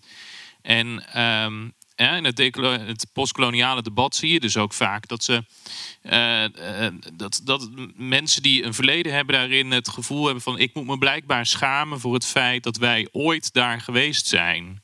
En daar ehm, eh, ook heel veel moeite mee hebben. En ik vroeg me ook af of, of u ook wel eens lezingen geeft aan Indische Nederlanders. En hoe u kijkt naar dat soort pied noir-achtige problematiek. Welk soort achtige? Ja, eigenlijk, hè, de, de, de- zoals je in, in Frankrijk de pied noir hebt. Hè, de- mensen pardon. die, uit Alge- die in Algerije hebben gewoond. Ehm, hè, eh, de- de- hoe, hoe kijkt u naar eh, die problematiek? Wat dat betreft is er een groot verschil, om terug te keren naar nog een eerdere vraag, tussen eh, de na-postkoloniale periode in België en in Nederland. Vandaag in Nederland wonen er zeer veel nazaten van Indische Nederlanders, maar zeer weinig Indonesiërs zelf. De discussie over, koloniale, over het koloniale verleden in Nederland is gedomineerd geweest door de mensen die tot de bovenlaag behoorden. In België zijn er veel meer Congolezen dan dat er Indonesiërs in, in Nederland zijn. En dus na 1949, toen Nederland de onafhankelijkheid heeft erkend, zijn ongeveer 300.000 mensen overgekomen. 200.000 waren Indische Nederlanders, 100.000 waren Europese Nederlanders. En die vormden samen de top van de koloniale samenleving. Ik noem dat dek 1 in mijn boek. Ik heb zo de metafoor gebruikt van scheepsdekken. En die Indische Nederlanders voelden zich vaak eh, benadeeld door de Europese Nederlanders. Ik denk dat dat waar was. Dat heb ik toch zeer vaak gehoord. Maar die behoorden wel tot die, eh, tot die koloniale bovenlaag. De gros van die samenleving, die 70 miljoen Indonesiërs, zaten echt op dek 3 en waren een pak armer, eh, echt een heel pak armer. Ehm, die zijn nauwelijks naar Nederland gekomen. En dus het publieke debat in Nederland is zeer sterk eh, bepaald geweest de afgelopen 70 jaar door die 300.000 mensen die teruggekeerd zijn. Indische Nederlanders, Europese Nederlanders, plus 120 120.000 veteranen die zijn teruggekeerd. Dat is nogal een pak, hè? 420.000 mensen, eh, plus 12 te- 12.000 Molukkers ongeveer. Die groep, of die groepen, hebben in grote mate het debat bepaald en het discours bepaald. En van zodra een alternatieve stem opstond, werd die in het begin echt in de kiem gesmoord. Joop Huting sprak in 1969 op televisie over wat er was gebeurd, de oorlogsmisdaden die hij had gezien. Twee jaar later wordt de verjaringswet gestemd. Oorlogsmisdaden kunnen niet verjaren in Nederland, behalve die begaan in Nederlands-Indië. Uh, het Koninkrijk, geschiedenis van de Koninkrijk der Nederlanden, Lou de Jong, publiceert in 1984 het deel over Nederlands-Indië. Een hoofdstuk krijgt de titel Oorlogsmisdaden. De veteranen uh, zijn in alle staten, omdat ze al voor het in druk is uh, gegaan, hebben ze de drukproeven kunnen lezen. Lou de Jong moet die term aanpassen. Dus je ziet dat eigenlijk in de jaren 60, 70, 80 voortdurend die groep tegenhield dat er een ander verhaal ontstond. Het is nu pas naarmate die groep ouder is geworden en misschien door de, diverse worden van de Nederlandse samenleving, weliswaar niet met heel veel Indonesische stemmen, maar uh, toch met een, een heel pak meer diversiteit in die samenleving, is dat debat gaan opleven. En ook door hoe het elder is gaan spelen. Maar dus daardoor heeft in Nederland, plus nog, eens, nog een reden erbij, de hervorming van het Nederlands geschiedonderwijs, waarbij de meeste mensen geschiedenis in het middelbaar onderwijs maar drie jaar als verplicht vak hebben. Ik heb het zes jaar als verplicht vak gehad.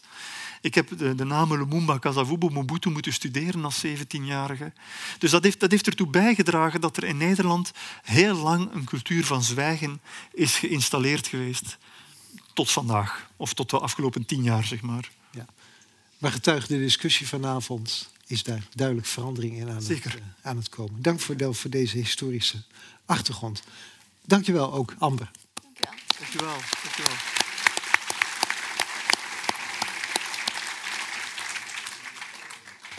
De laatste vragenronde wordt ingeleid door een student filosofie. Ja, filosofen willen wel toch het laatste woord hebben.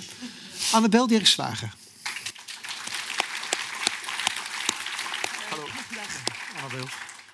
Um, ja, ik wil graag uh, nog even verder gaan over uh, de Huizinga-lezing die u heeft gegeven, uitgegeven als het boekje uh, De kolonisatie van de toekomst. die heb ik gelezen ter voorbereiding van deze avond. En in uw boekje spreekt u over de huidige exploitatie van de aarde. Noemt u het kolonialisme voorbij kolonialisme. Mm. En uh, tijdens het lezen hiervan um, dacht ik eigenlijk een uh, systeemkritiek te herkennen. Um, en dan wel specifiek op ons huidige economische systeem. Zei het dat dit zo sterk uh, gekenmerkt wordt door winstmaximalisatie en exploitatie. En dan tegen het einde van de tekst noemt u een aantal oplossingen. En één daarvan zijn de tradable energy quotas. Ik heb eigenlijk twee vragen. Uh, de eerste vraag is: uh, hoe werken tradable energy quota's en waarom denkt u dat dat een goede oplossing is? En alvast als tweede vraag uh, daarbij. Um, vraag ik me af of tradable energy quota's niet systeembevestigend zijn. En um, of hiermee niet de oorzaak van het probleem, namelijk de hebzucht en de exploitatie van ons als mensen, als mensen in Europa, niet blijft bestaan. Ja. Ja, hoe ziet u dit? Dank u wel. Uh, ik heb in die lezing toen gesuggereerd dat er een nieuwe kolonialisme bestond, een kolonisatie van de toekomst, waarbij wij net zo uh, gewelddadig aan het plunderen zijn in een soort buitenwereld. En die buitenwereld zijn niet de andere continenten, maar het zijn eigenlijk de toekomstige decennia. En hoe langer hoe meer denk ik van, maar dat is geen nieuw soort kolonialisme, het is een soort verderzetting. Er is, er is echt een soort continuïteit. En die continuïteit gaat terug naar de 20e eeuw en de 19e eeuw. En die gaat zelfs nog verder terug. Misschien zelfs tot, tot 1500 en het ontstaan van het mondiaal kapitalisme.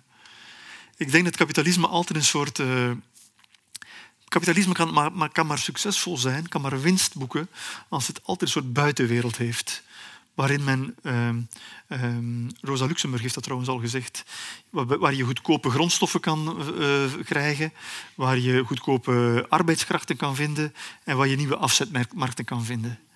En dus we hebben uh, vanuit Europa andere continenten gaan plunderen. Toen, daar, toen die landen onafhankelijk waren, zijn we dan beginnen in de toekomst te plunderen. En nu dat ook steeds moeilijker wordt, gaan we kijken of er op Mars niets te rapen valt. Dus je ziet eigenlijk, die, die, die, en wie gaat er naartoe? Niet de natuurliefhebbers of niet de sterrenkundigen. Nee, de grootste kapitalistische succesverhalen van, van dit ogenblik. Dus wat dat betreft is er een volkomen continuïteit. Eh, wat, het, het, er zit een soort structureel stelsel van graaien. Want kapitalisme veronderstelt een soort nog iets anders. Het is het moderne denken, het Cartesiaanse denken, wat een onderscheid maakt tussen subject en object.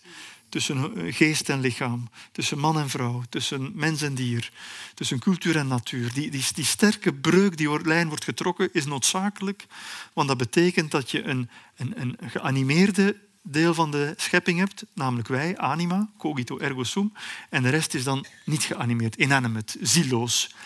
Dat is de koloniale logica, precies. Voilà. En de kolonialisme, Marx heeft dat zeer goed gezegd. Marx was helemaal niet verbaasd over het kolonialisme. Hij zei van het is gewoon een verderzetting, een verheviging van het kapitalisme. En mij valt vaak op, als we vandaag over kolonialisme spreken, kijken we enkel naar de 20e en de 19e eeuw. Het klassieke kolonialisme zit ook daar. Maar we vergeten, en we kijken dan vooral naar onze nationale. Nederland naar Indonesië, België naar Congo, Frankrijk naar Algerije enzovoort. Maar we vergeten dat het echt een Europees fenomeen is, veel breder gaat en ook veel ouder is. Echt, eh, het gaat om 500 jaar en niet om 200 jaar.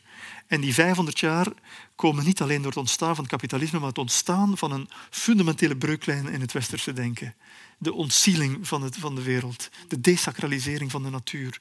Het was de noodzakelijke voorwaarde om het kapitalisme te kunnen laten ontstaan. En het kapitalisme was de noodzakelijke voorwaarde om het kolonialisme te kunnen laten ontstaan. En die tradable energy quotas, ik leg het even uit. Uh, ik ben over aan het nadenken en ik heb dat idee voor het eerst gelanceerd in die Huizinga-lezing. Uh, hoe kunnen we die transitie naar een koolstofarme samenleving, hoe kunnen we die sociaal rechtvaardig maken? Want de maatregelen van Macron, en we gaan er nog tientallen zien, waarbij brandstoffen worden verhoogd, ja, oké. Dan hoopt men dat mensen, minder met de auto gaan rijden. Maar wat Macron niet lijkt te beseffen, is dat de rijken het niet voelen en de armen gestraft worden. Slechte maatregel. En mijn idee was dan, geïnspireerd door een, een Britse econoom en, en denker, waarmee ik niet wil gezegd hebben dat economen niet tegelijkertijd denkers kunnen zijn. De man heet David Fleming, beetje grappig, want ik ben ook David en ook een Fleming. Maar wat dat betreft, uh, het is wel degelijk inmiddels gestorven, is in Amsterdam gestorven. Die man heeft al in de jaren negentig gepleit voor een nieuw stelsel van rechtvaardige transitie. En hij noemde dat uh, verhandelbare energiequota's. Andere term die wordt gebruikt is persoonlijke carbontoelages of persoonlijke emissierechten of geïndividualiseerde emissierechten. Er zijn allerlei termen voor. Wat zou er gebeuren indien iedereen van ons op maandagochtend op je mobiele telefoon of op je OV-kaart een aantal carboncredits krijgt? En die moet je maar heel af en toe aanspreken. Laat ons ze carbo's noemen. Ik vind tradable energy quote als eigenlijk een draak van een term. Geweldige denker, maar slechte bedenker van uh, goede termen vond ik. Laat ons ze gewoon carbo's noemen, of billies, of wat dan ook. Vooruit. Het is een soort munteenheid. En die munten moet je maar aanspreken als je fossiel inkoopt. Namelijk als je tankt, het tankstation, of als je, je energierekening betaalt. En die, ehm, en die krijg je vanaf dat je 18 bent, een leven lang. Uh, en iedereen krijgt er evenveel gedurende een paar jaar. Alleen wordt er elk jaar beslist door een centrale nationale raad of een Europese raad hoeveel we dit jaar nog mogen uitgeven. Dus het, het aantal zakt. En tegen 2040 is het wellicht, of 2050 is het wellicht nul. Maar het betekent wel dat mensen die zuinig leven, uh, omdat ze arm zijn of dat ze bewust leven of wat dan ook, niet al die uh, quota's nodig hebben en die vervolgens kunnen verhandelen. En daar zie ik jouw grimas ontstaan. Want je, eigenlijk zeg jij, oei, een markt. Dan gebruik jij een kapitalistisch instrument om iets kapitalistisch te beteugelen. Maar dan, beste Annabel, moet ik een beetje paternalistisch doen. In de, we moeten leren het onderscheid maken tussen een markt en een kapitalistisch systeem en een neoliberaal systeem. Dat zijn drie stappen erger. Overal ter wereld bestaan er markten. Ja, maar... En die markten leiden niet noodzakelijk tot kapitalistische uitbuiting. Maar als we wat u zegt in het boek is, of in de lezing, we doen de tradable energy quota's binnen dit kapitalistische systeem. Dat, dat bedoel, we zeggen we doen dit systeem en een van de oplossingen is, dan doen we die tradable energy quota's of uh, de billies of hoe u ze wilt noemen. Um, en, en ik stel me dan voor dat um, een persoon um, honger heeft, omdat het geld op is, omdat we in een maatschappij leven waar we enorm veel economische ongelijkheid hebben. En deze persoon heeft honger, moet diens gezin voeden en denkt, ja, ik, ik moet toch wat, dus ik verkoop mijn, eh, mijn billies aan, aan Shell. En de volgende dag moet deze persoon met de auto naar het werk eh, in de Dordogne eh 80 kilometer rijden. Dus stel me maar even voor. Dan lossen we toch het eigenlijke probleem niet op. Het zijn toch een soort pleisters op een systeem wat. Maar nu moet ik, moet ik u van paternalisme verdenken. U lijkt, er, u lijkt ervan uit te gaan dat arme mensen niet goed met middelen kunnen omgaan. Ehm, nee, maar ik denk wel dat. Terwijl de armsten wellicht de meest bewust zijn in de omgang met geld. Ja, maar ik kan me wel voorstellen dat. ehm, ik bedoel.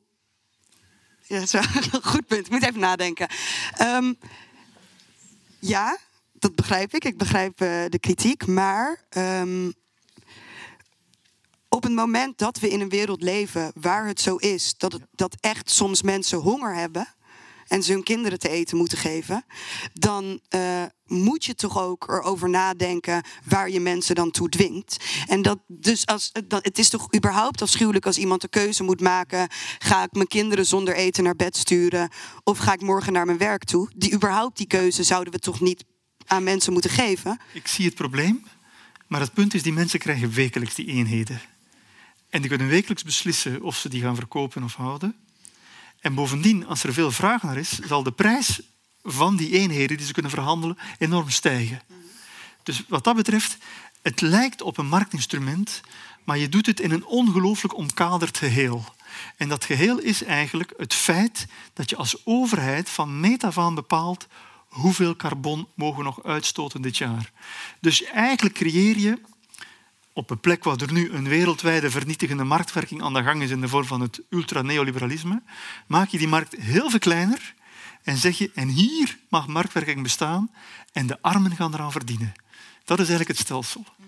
En ik weet, als het idee wordt gelanceerd, en Barbara Barma heeft deze zomer ook, ze heeft een jaar geleden die idee losgelaten in een interessante column in Trouw, en vervolgens tijdens een radio-interview en een televisie-interview geen goede medium, denk ik, om, om, om, om zo'n idee los te laten. Waardoor in Nederland vandaag die idee ontstaat van oh, dat is een idioot idee en dat is een. Het is eigenlijk heel merkwaardig, het is een idee. Mensen eh, uit de omgeving van uh, Piketty zijn vandaag aan het bestuderen of dit iets kan zijn. En die vraag die jij nu stelt, wordt daar ook gesteld. Dat is, natuurlijk de hamvraag. Zal het mensen verarmen of zal het mensen verrijken? Zal het mensen dwingen uh, in, in vormen van honger of wat dan ook?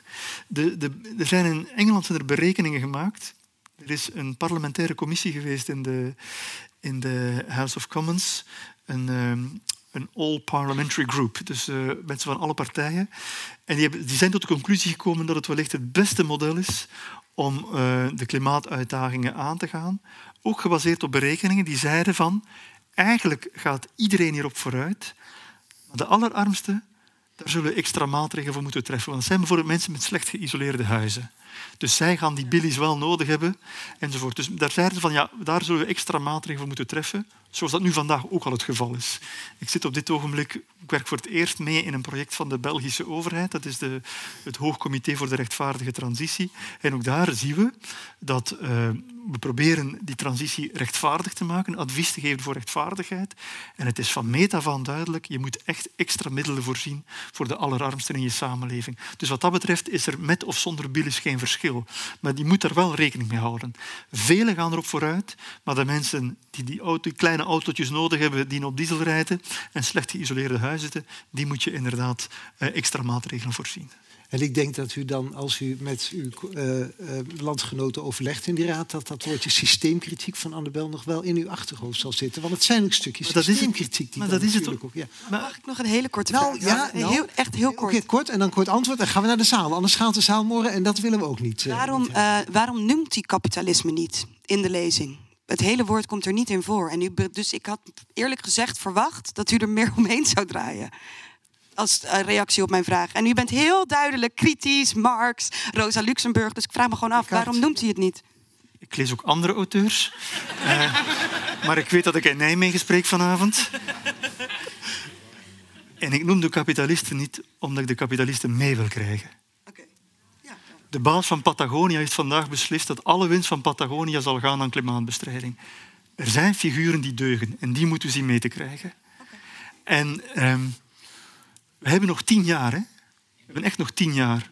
We moeten keihard werken in die tien jaar. We kunnen proberen eh, in die tien jaar het kapitalisme af te schaffen. We kunnen ook proberen het kapitalisme op een slimmer manier te laten werken en een inclusievere manier te laten werken. En ik denk, als we ook nog gaan proberen om het hele economische model totaal om te gooien. Het, ik denk dat we al zeer ver zouden komen als we aan degrowth... Ik ben nogal een voorstander van degrowth, waarbij je dus wel nog een marktwerking hebt, maar de, de mythe van de eeuwige, oneindige groei op een planeet met eindige middelen, die moet gewoon stoppen. Je moet andere vormen van groei nastreven. Groei op vlak van duurzaamheid, op vlak van persoonlijk geluk enzovoort. Maar het gaat absoluut, absoluut over ongelijkheid. En niet alleen financiële ongelijkheid, niet alleen ongelijkheid op vlak van je inkomen of je vermogen, maar ook ongelooflijk ongelijkheid op vlak van je uitstoot. Nederland moet ongeveer en België, we moeten ongeveer uitkomen bij een uitstoot van drie ton per jaar per persoon. Drie ton. De armen in Nederland, die zijn er al. Hè? Zij moeten eigenlijk niet meer veel doen. Wij ontwikkelen allemaal beleid waarbij we dan rekening moeten houden dat die armen niet te boos mogen worden. Nee, maar die armen die zijn er al. Maar het, zijn, het is de bovenlaag van Nederland die inmiddels aan levensstijlen van 30 ton hanteert. Mbappé, uh, ik weet niet of jullie het filmpje gezien hebben deze week, de, de, de Franse voetballer, die, die het, een privéjet neemt om 300 kilometer te vliegen en in de lach schiet als hem gevraagd wordt of de TGV geen waardig alternatief zou zijn. Het gaat zelfs sneller. En uh, het, is, het is die elite met die ongelooflijke... We moeten eigenlijk veel meer maatregelen gaan ontwikkelen. Uh, een rechtvaardige transitie, dat bestaat er niet in maatregelen te gaan ontwikkelen voor die armsten, bestaat er in maatregelen gaan ontwikkelen voor die top die zo de, de boel aan het pot verteren is. En daar zitten wij overigens bijna allemaal bij, voor de duidelijkheid. Ja, ja. en dan mogen we ook een beetje paternalistisch uh, zijn. zaal. Hebt u, durft u nu nog iets te vragen, nu u dit hebt gehoord? Voor u bent al aan de beurt geweest, dus kijk stiekem. Ja, daar achteraan is iemand. Uh, hallo. Um, u uh, koppelt uh, het kapitalisme, het kapitalistische denken aan het überhaupt het westerse moderniteitsdenken. en dat dat eigenlijk ook de oorzaak is van waarom wij de aarde erg uitputten. maar hoe denkt u dat die billies dan ook voor die denkomslag aan zorgen. Naast gewoon puur kijken naar cijfers en uitstoot, maar ook echt de, het, de omslag in het denken over de wereld en de, ja, de natuur wil de ziel ja. teruggeven, naar zeggen. De billies, ik vind het wel een leuke term die je plotseling ingevoerd is. Het blijft duidelijk plakken. Uh, het is maar één van de instrumenten die nodig zullen zijn. Er zijn maar twee plekken ter wereld waarmee men, waarbij men het vandaag geprobeerd heeft. Een klein eilandje ten noorden van Australië, gedurende een korte periode, en een, een, een, stad, een stadje in Finland. En in België en in Frankrijk en in Zweden, ik denk in Nederland nog niet, heb je nu een hele lichte variant ervan. We hebben in België een nieuwe bank, die heet Banks. Uh, en die staat je toe om je CO2-uitstoot te monitoren. Dus we hebben nu voor het eerst een soort stappenteller om te zien hoeveel CO2 je uitstoot. Dus per aankoop die je doet op die bankrekening weten ze ongeveer, je koopt een t-shirt, ze weten hoeveel kilogram CO2 dat is. Dat onderzoek op dat eiland ten noorden van Australië en in die Finse stad gaven aan dat mensen die meededen met het schema uh, op een paar weken tijd veel bewuster werden van hun uitstoot. Dat is al iets is dat de totale omslag in het denken die we moeten willen. Het lijkt me nogal kras dat je 500 jaar Europees westers denken met eh, een eenvoudige app zou kunnen, kunnen veranderen. Ten, diepste, ten diepste is de klimaatcrisis een onderdeel van de biodiversiteitscrisis, een onderdeel van een crisis waarbij de planetaire grenzen structureel overschreden worden. En het is ten diepste een morele en een spirituele crisis.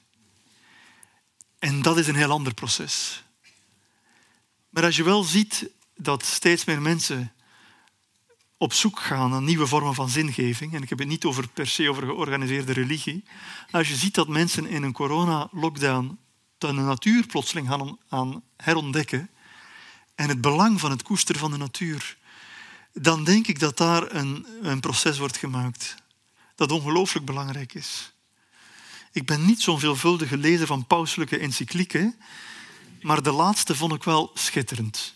De encycliek Laudate van uh, paus Franciscus over klimaatopwarming en de ecologische crisis, is vanuit katholieke hoek uh, een, een, een hele interessante tekst waarbij erop gewezen wordt dat overconsumptie een vorm is van spirituele leegte. De leegte van binnen proberen we te herstellen door weelde aan de buitenkant. Een soort steunberen. Um, en ik denk dat hij daar absoluut gelijk in heeft. En ik denk dat er een ander deel van werken, ik heb ooit in een ander boek daarover geschreven, ik denk dat we echt moeten, moeten werken naar vormen van... Ik, ik had het daarnet over het, het, het, eh, waken over mijn eigen geestelijke gezondheid. Dat betekent waken over uw binnenkant. Waken over momenten van crisis, die niet proberen op momenten van angst of vertwijfeling of, of vermoeidheid of uh, wat dan ook, of eenzaamheid, niet proberen die problemen op te lossen door drie zakken bij de Primark te gaan halen. Maar vormen van intellectuele krachten ontwikkelen. En daar bestaan enorm veel technieken, methoden, rituelen, procedures, uh, tradities voor, die wij allemaal verleerd zijn. En dus ik denk dat wat dat betreft uh, er ook een vorm, en dat gaan we niet oplossen met die billies, daar ben ik het helemaal mee eens, maar het is ook deel van het proces. Maar toch mooi op deze universiteit dat de katholieke kerk daar ook nog een bijdrage aan kan, eh, kan, kan, leveren. Dat zei maar even. Ik denk, we moeten daar niet ironisch over doen. Nee, nee, nee. Ik dat denk dat we, we zitten met een mondiale crisis. En we hebben te maken met politieke elites in Europa die technocratisch eventueel onderlegd zijn, maar die qua moreel leiderschap toch maar zeer weinig uitstralen. We hebben alle wijsheid nodig van de wereld en de grote spirituele tradities hebben een deel van die wijsheid in zich en die moeten we opnieuw gaan waarderen. Ja. En dat allemaal naar aanleiding van de vraag van Annabel over systeemkritiek.